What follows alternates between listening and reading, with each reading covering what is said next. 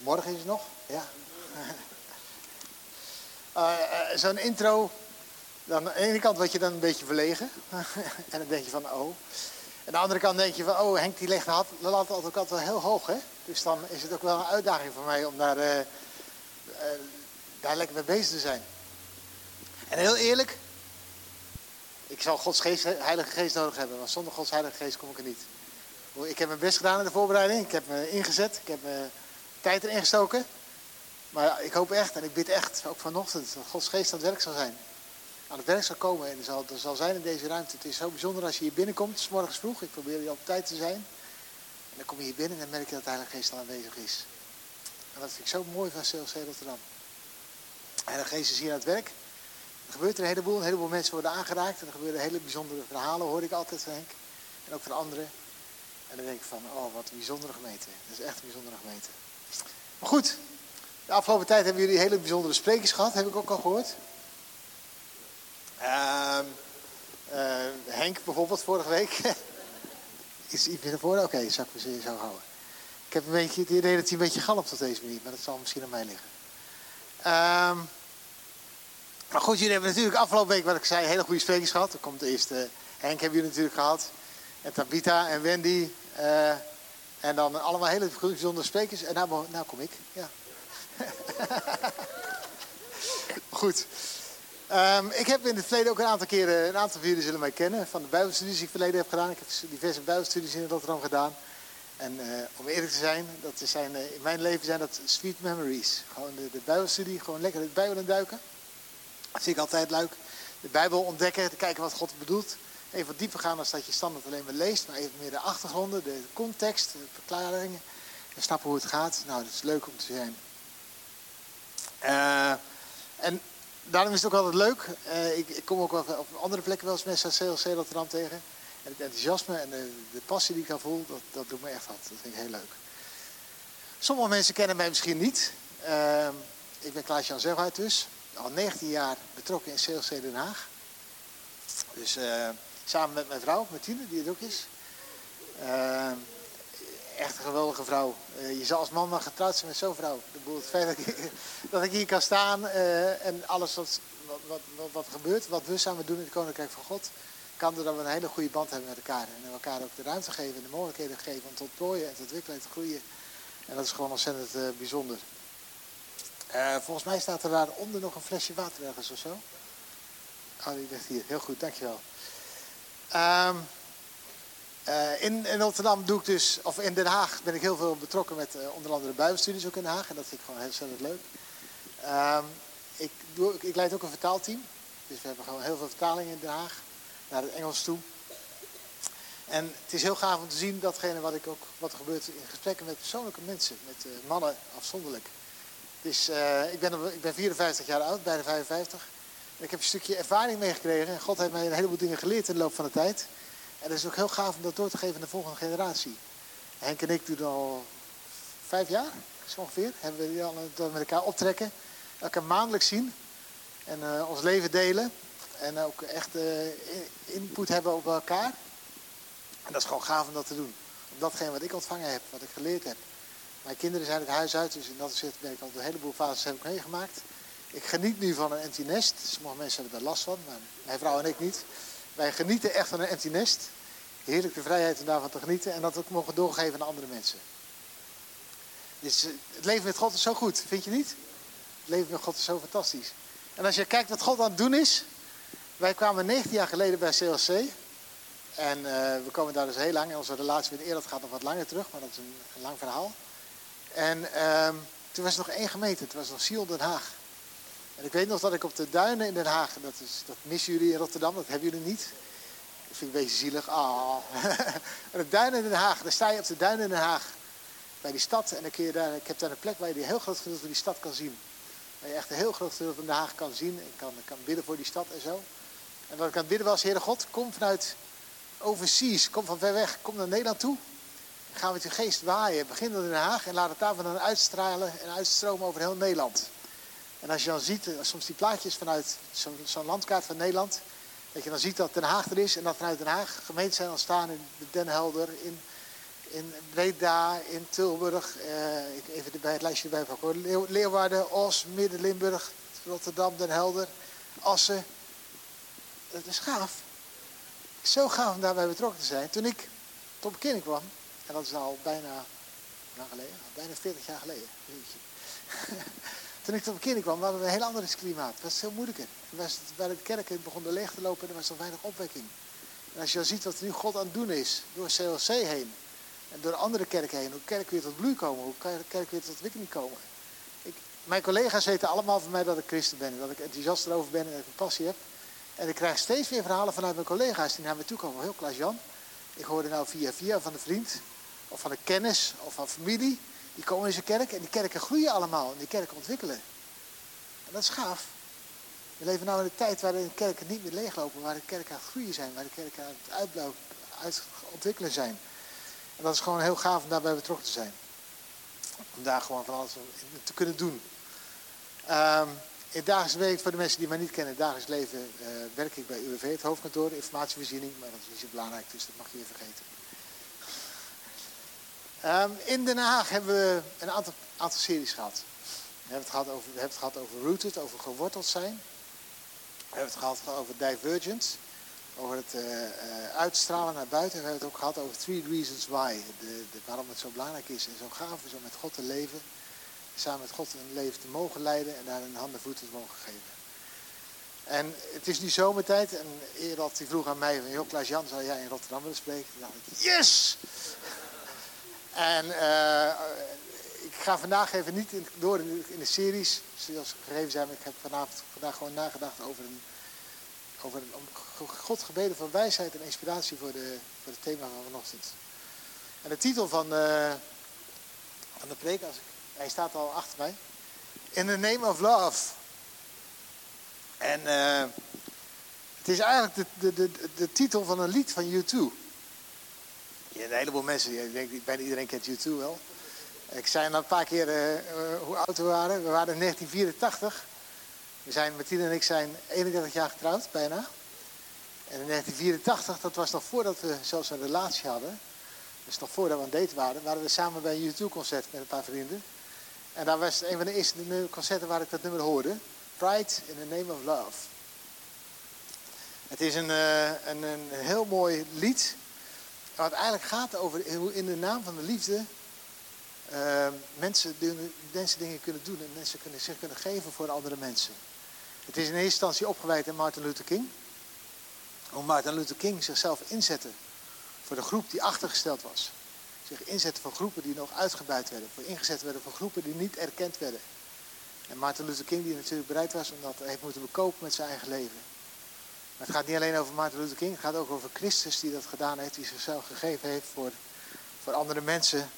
Het gaat over uh, Christus die gewoon ook zichzelf gegeven heeft in liefde. In the name of love. Um, als je, misschien kan de tekst even uh, op het scherm komen. Um, ik zal het voorlezen en daarna lees ik het ook in het Nederlands. This song is about singular people, including Christ as man, that lived their lives with pride not in a boastful way, but with the pride a person has when the thoughts and actions are motivated by the understanding and the full awareness of the dignity and sanctity of all human life. En maak je niet ongerust, ik ga er daar even wat dieper op in. In het Nederlands.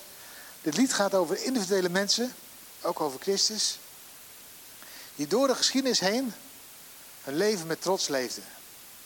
Niet door buitengewoon de aandacht op zichzelf te trekken, maar het waren mensen die gemotiveerd waren doordat ze begrip hadden voor en zich bewust waren van de waarde en de ultieme vermaaktheid van alle mensen. Dit lied gaat over individuele mensen. Het waren individuele mensen die zichzelf gegeven hebben. Individuen. Mensen die gewoon opstonden en zichzelf besloten om zich te gaan inzetten. Om zich te gaan toewijden.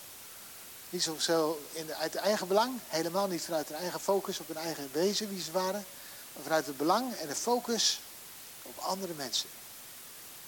Die ze gingen na, richten op andere mensen. En het belang van andere mensen belangrijker vonden dan hun eigen belang. Het gaat over singular people, over individuele mensen. Individuele mensen, singular people. Mensen zoals jij En jij, jij, jij.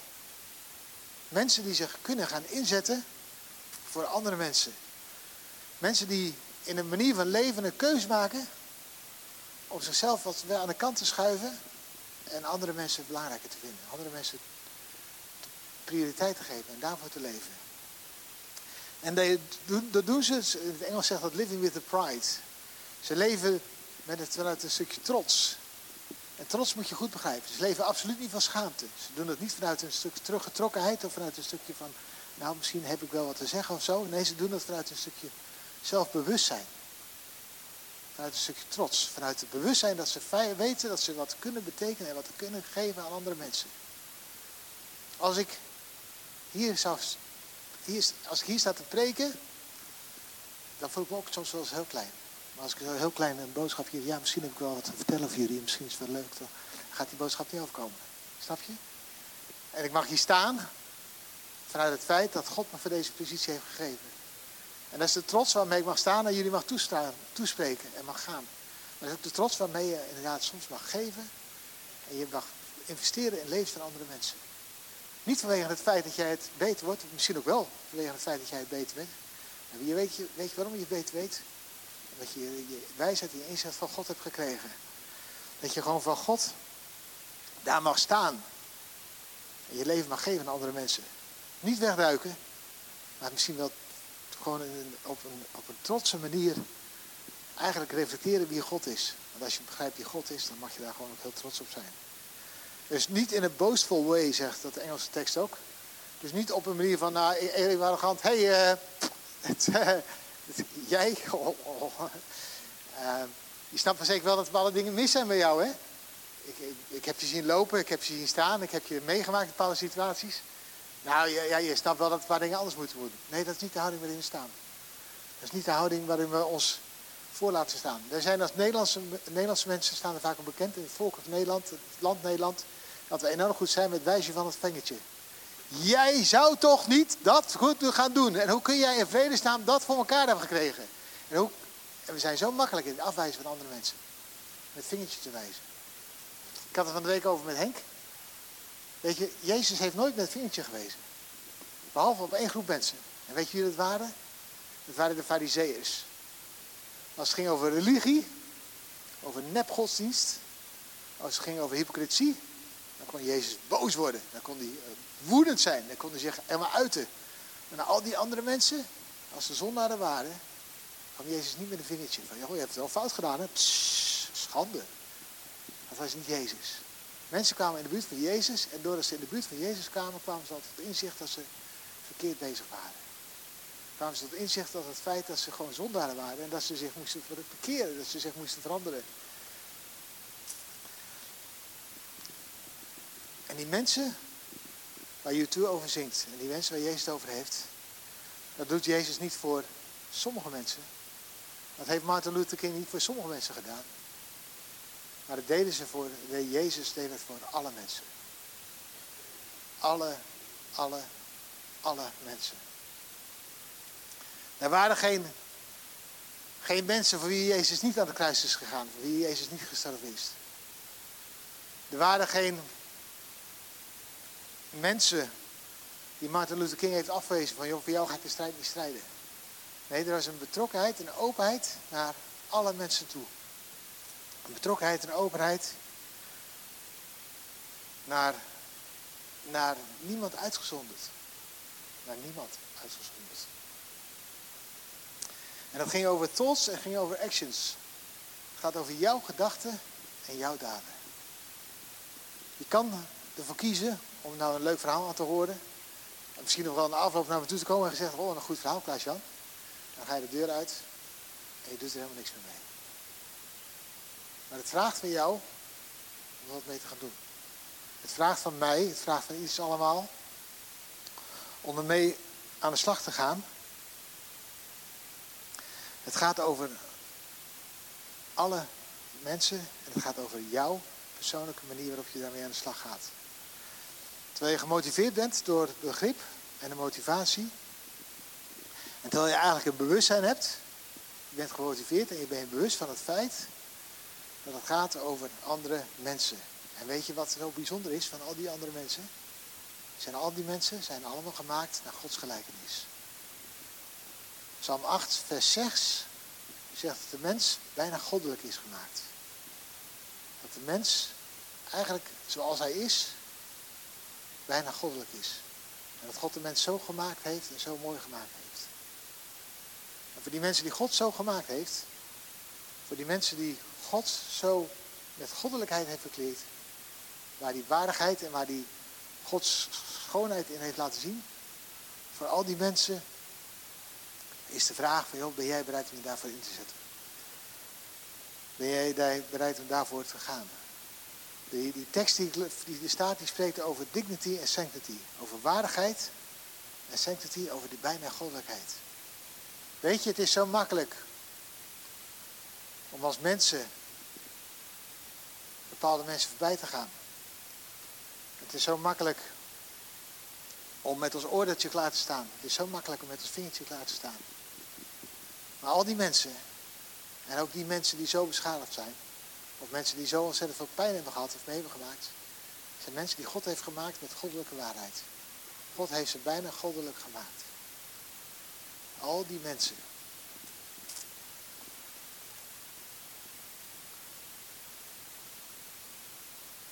Het is, het is, het is een vraag eigenlijk die ik neerleg. Een hele sterke oproep die ik neerleg. Over van in hoeverre ben jij bereid? Is jouw houding daar? Heb jij, durf jij te leven met de houding van het bewustzijn dat God jou heeft gemaakt? Om je leven te geven en desnoods zelfs een, leven, stuk van je leven te offeren voor andere mensen. En dat is een niet zo makkelijk verhaal. Misschien is het makkelijk om ja te zeggen, maar de praktijk wijst een beetje anders uit. Ik, ik, ik kan, en als ik zo naar jullie kijk, dan, kan ik, dan lijkt het wel eens, als het een vraag heeft, Klaas-Jan, heb je nou een over het nummer van YouTube? Hoe zit het nou met die bijbelteksten? Weet je, 2 Petrus 3 vers 9. Er staat in een, in een bijzondere, eh, in een nieuwe bijbelvertaling. God geeft iedereen de kans om een nieuw leven te beginnen. Want hij wil dat iedereen gered wordt. God geeft iedereen de kans om een nieuw leven te beginnen, want hij wil dat iedereen gered wordt. Ik heb zelf geleerd in mijn hoofd in de, in de vertaling van 51. God is lankmoedig jegens u dat hij niet wil dat iemand verloren gaat. Maar God wil dat alle mensen tot bekering komen. God wil dat niemand verloren gaat. Maar God wil dat alle mensen tot bekering komen. En dat gaat vanaf door een heel ouderwets woord, lankmoedigheid. En ik heb wel eens gedacht, hoe kun je dat lankmoedigheid, wat is dat nou voor woord? Wat moet je daarbij voorstellen? Ik heb er een hele mooie Engelse vertaling voor gehoord, voor een Nederlands woord. De eagerness not to be angry.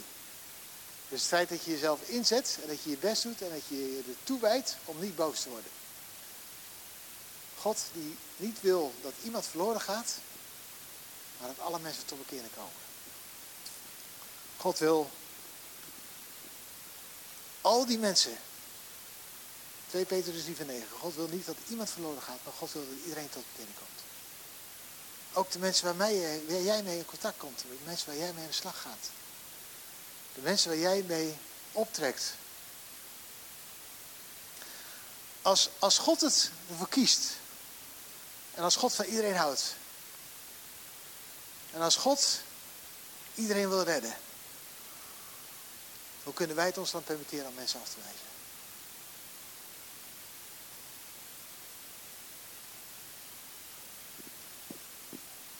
Punt wat me echt raakte vorige week. Ik had de preek gedaan. En ik stond aflopen ergens en iemand kwam me toe. En ze had zo'n sjaaltje om. Met een regenboog. En ze zegt, weet je wat sjaaltje betekent? Ik zeg, ja dat weet ik. Lesbian, gay, trans, transgender en bisexual. En zij worstelde met de homoseksualiteit. En ze zei, hoorde ik er ook bij?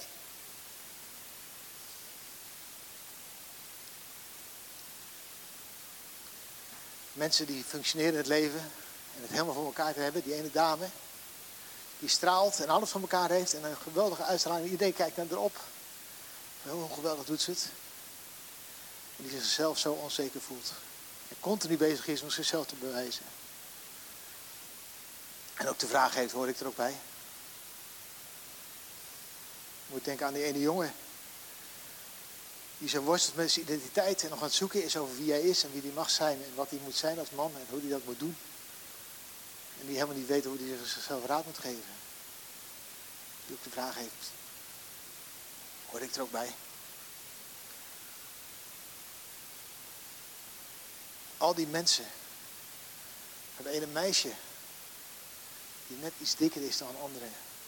En die zichzelf helemaal niet knap vindt. En daarmee worstelt. Die eigenlijk zegt, hoor ik er ook bij. Al die mensen waar God van houdt. Waar God zo van hoopt dat ze zich allemaal zullen gaan bekeren. Waar God zullen zijn. En de vraag aan jou is, mogen die mensen er ook bij jou zijn? Mogen die ook binnenkomen? En ben je ook bereid om jezelf te offeren voor die mensen? Jezelf te geven voor datgene wat voor die mensen vragen. Dat meisje met die regenboogsjaal, waar ze zoveel kerk aan de kant gezet.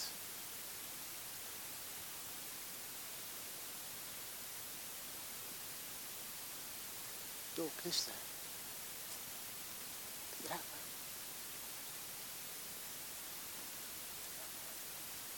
Wij kunnen de liefde God uitstralen. Wij kunnen ons inzetten voor die andere mensen. En als die pride, dat doen we vanuit trots in de name of love. En dat is een hele mooie inzet. En dat is waar God ons voor wil gebruiken. Wij kunnen die mensen een stukje weg laten zien. We kunnen die mensen een oplossing laten zien. We kunnen die mensen naar God brengen. We kunnen die mensen bij God brengen en zeggen, joh, je mag naar God toe. En God die zal je bevestigen in wie je bent. Of het nou te maken heeft met je homoseksualiteit, met je identiteit, met je geslaagdheid van buitenkant, terwijl je zo onzeker bent, of terwijl je misschien een beetje worstelt met je uiterlijk. God, die heeft een pad voor jou. God heeft een weg voor jou. God, die wil jou laten zien dat hij van je houdt. En dat jij bent, gewoon vermaakt is. Dat hij jou vermaakt bedoeld heeft.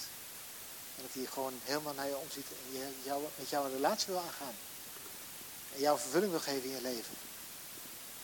En als de vraag van ons, als mensen, kunnen wij die mensen daar, niet, daar naartoe wijzen. Kunnen wij dat laten zien. Weet je, de Romeinen vers 5, vers 8. Er staat dat Christus voor iedereen gestorven is. Toen wij nog leefden, of toen Jezus leefde, toen de mensen van toen nog leefden als slechte mensen. Christus is al voor iedereen gestorven, terwijl jij en ik nog niet eens geboren waren. Voor de slechte daden die jij en ik hebben gedaan toen we nog niet geboren waren. Dus wat wij kunnen doen, is die mensen de weg laten zien naar wie, naar wie God is. Die mensen de weg laten zien. Van, ik heb een pad. En dit pad wordt gekenmerkt door Jezus. Die de weg voor iedereen wil vrijmaken. En natuurlijk, ik heb verkeerde dingen in mijn leven. En iedereen heeft dingen waar hij mee worstelt in zijn leven. Maar voor die verkeerde dingen, die ons eventueel zouden afhouden naar God toe te gaan, Daarvoor is Christus al gestorven. En dat is de boodschap die we eigenlijk bereid moeten zijn neer te leggen. Ten opzichte van alle mensen. Dat is de boodschap voor jou. Als jij hier zit. En je misschien wel behoort tot een van de groepen die ik net noemde. En je nog zo worstelt met pijn. Verdriet. Je worstelt met onzekerheid. Je worstelt met wie je bent. Met je verslaving waar je mee te maken hebt. Dat je mag weten dat voor jou ook al Christus al gestorven is, zelfs voor je geboren was. En dat God jou zo graag bij wil zijn. En dat God graag jou wil bevestigen in wie je bent. Wij kunnen die liefde die wij zelf hebben mogen ervaren als christen, die weg die wij hebben mogen ontdekken met Christus, kunnen doorgeven aan andere mensen. En dat houdt er niet mee op, hè. Het is aan de ene kant het vraagt een stukje toewijding van ons. De toewijding van ons om de keuze te maken om te gaan. Het vraagt onze bereidheid om te laten zien aan andere mensen. Joh, er is een echte oplossing voor jouw onzekerheid of voor jouw worsteling. Voor jouw verslaving. Er is een andere onzekerheid en die weg is Jezus. Maar die mensen hebben wel jou nodig om soms het voorbeeld geweest te worden. En als we het voorbeeld hebben gewezen, dan heeft Jezus gezegd, Jezus heeft natuurlijk zelf gedaan, hij heeft het voorbeeld gewezen aan zijn discipelen. En die zei, ik zou weggaan. En als ik weg zou gaan, dan zou ik de Heilige Geest sturen. Johannes 16, vers 12. Ik heb de tekst geslagen, maar Johannes 16, vers 12. Ik heb jullie nog veel te zeggen, maar jullie kunnen het nu niet begrijpen. Als de Heilige Geest komt, zal Hij in jullie de waarheid bekendmaken. Hij zal jullie helpen om de waarheid helemaal te begrijpen. Hij zal niet namens zichzelf spreken, maar hij zal zeggen wat hij van mij hoort. De Heilige Geest zal jullie vertellen wat er zal gebeuren aan het einde van de tijd. En zo zal de Heilige Geest mij de hoogste eer geven. Want de waarheid die hij bekend heeft gemaakt, komt van mij. Alles wat van de Vader is, komt ook van mij. Daarom zeg ik, de waarheid die de Heilige Geest bekend maakt, komt van mij. Weet je, die Heilige Geest, die zal komen. En die zal jou en mij helpen. Maar soms is het niet makkelijk om die stap te nemen, om jezelf te andere mensen over te geven. Om jezelf toe te wijden aan andere mensen. De Heilige Geest zal komen om jou te helpen, om daar je kracht te geven, je daar een wijsheid te geven. Heere God, wat kan ik deze, tegen deze persoon zeggen? Heere God, wat kan ik, mag ik voor liefde doen? Hoe mag ik uw liefde doorstromen? Soms is dat een huk. En soms is dat gewoon een hele fijne bemoediging. En soms is dat misschien wel door een hele kritische vraag te stellen. Afhankelijk van de situatie. En, en die Heilige Geest wil jou helpen. Om de juiste woorden te geven. En die Heilige Geest wil die andere mensen helpen. Om een stukje te komen tot een stukje genezing. Om te komen tot een stukje herstel. Om te komen tot een stukje ontdekken van wie je werkelijk bent. Dat jij als mens, jullie als mensen, iedereen als mens die hier aanwezig is, bijna goddelijk is gemaakt. En dat je gaat snappen wat dat betekent. Hoe God jou gemaakt heeft en hoe God jou ziet, hoe God wil dat je bent. Ik ga een stukje lezen uit Jezaja over die Heilige Geest. Jezaja, ja, nou komt een beetje de Bijbelstudieleraar bij mij naar boven. ik zal proberen kort te houden. Jezaja is een heel mooie profeet. Die leefde in, ik weet niet of jullie dat een beetje weten, maar je leeft in het Oude Testament. Je had het volk Israël. En het volk Israël besloot op een gegeven moment, hadden ze wat ruzie onderling met elkaar. En die gingen uit elkaar in een tienstammenrijk en een tweestammenrijk. En die hadden heel veel ruzie. Binnen volk wat in zichzelf ruzie had, dat was niet leuk. En ze hadden heel veel ruzie met elkaar. En ze focusten niet op God ze raakten steeds verder van God weg. En op een moment was het tienstammenrijk was helemaal verbannen. Het was helemaal weggevoerd. Alleen het tweestammenrijk was nog over. En in die, die tijd sprak Jezaja. Die sprak tot koningen en die waarschuwde de koningen van de twee stammenrijk die nog over was. Joh, bekeer je nou en verander je nou en ga je toewijden aan God. Want je hebt God nodig. En zonder God kom er niet. Maar ook die koningen waren eigenwijs. En ze luisterden niet naar Jezaja.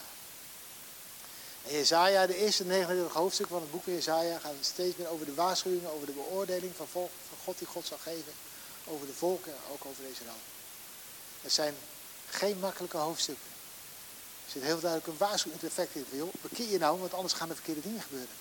Zul je verbannen worden, zul je gevangen genomen worden, zul je moeilijke situaties meemaken. Die laatste hoofdstuk van het boek van Jesaja geeft heel veel hoop en glorie over de toekomst. Over datgene wat Christus zal komen, over de tijd die er zal zijn. Maar in die eerste 39 hoofdstuk van Jesaja gaat een heel klein stukje, gaat eigenlijk al een beetje voorafkondiging. Een aankondiging dat, dat de Heilige Geest zal komen. En dan staat er in Jesaja 11 vers 2. Dan komt, uh, de, de, de, die is eigenlijk de, een van de aankondigingen van Jezus. En dan staat er van Jezus, de geest van de Heer zal op hem rusten. Een geest van wijsheid en inzicht. Een geest van kracht en verstandig beleid. Een geest van kennis en ontzag van de Heer. Ik heb zelf het Engels uit mijn hoofd geleerd. Spirit of wisdom and understanding. Counsel and might. Knowledge and fear of the Lord. Even terug in het Nederlands. Die geest die mensen wil genezen. Die mensen tot herstel wil brengen, ook vandaag. Zoveel mensen echt tot herstel wil brengen. Die geest die jou wil helpen als christen, omdat je weet wie Christus is. En dat jij je leven met God leidt. Die jou wil helpen om andere mensen tot herstel te brengen. Die jou wil helpen om andere mensen naar God toe te leiden. Die geest die heeft wijsheid en begrip. Wijsheid en inzicht. Die geest wil je helpen met kracht en verstandig beleid. En die geest helpt je met kennis en ontzag voor de Heer. En die Heilige Geest, en daar gaan we de preek mee afsluiten, naar het einde toe. Die Heilige Geest, die is beschikbaar. Die Heilige Geest is beschikbaar voor jou, voor degene die nog zo worstelt. Ik moet denken aan die vrouw die mij vorige week zo aansprak. Hoor ik erbij? Met een regenboogsjaaltje. Denk je dat God er aan de kant laat staan? En ze hadden het nog niet ervaren dat, dat God het stond moet openademen. Die, die man, die worstelt met zijn identiteit en niet weet hoe hij zichzelf de handen en voeten moet geven. En die zichzelf ook afvraagt, heeft God me zo gemaakt? Heer God, hoor ik, mag ik bij u horen? Die vrouw die zo zelfverzekerd op het podium staat. Die een stralende uitstraling heeft en helemaal succesvol is. Maar vanuit zichzelf, als je diep in de hart kijkt, zo onzeker is. Al die mensen mogen weten dat de weg tot God vrij is door Jezus, wat we vandaag hebben gedaan. Maar ze mogen ook weten dat de Heilige Geest wil helpen. Maar wij als christenen, wij als mensen die de weg gaan samen met God, mogen ze daarin helpen. Mogen ze daarin helpen, mogen ze daarin toerusten, ze mogen ze daarin leiden om daar die weg op te gaan.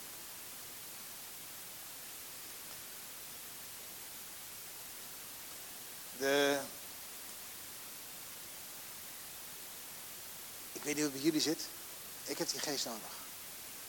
Ik heb die geest nodig van wijsheid en inzicht, kracht en verstandig beleid, en kennis en ontzag van de Heer. Maar vergis je niet, niet alleen wij hebben die nodig, de wereld heeft die nodig. En de wereld heeft ook mensen nodig die dat toont, die dat laat zien, die dat openbaart, die dat laat merken aan andere mensen. God wil dat niemand verloren gaat, maar God wil dat alle mensen tot Heer komen. En jou en jou en jou en jou allemaal voor gebruiken. Je hebt de Heilige Geest nodig. De Heilige Geest die wat leiden en kracht wil geven. Ik, ik zou jullie willen, ik wil jullie vragen om samen met mij in gebed te gaan.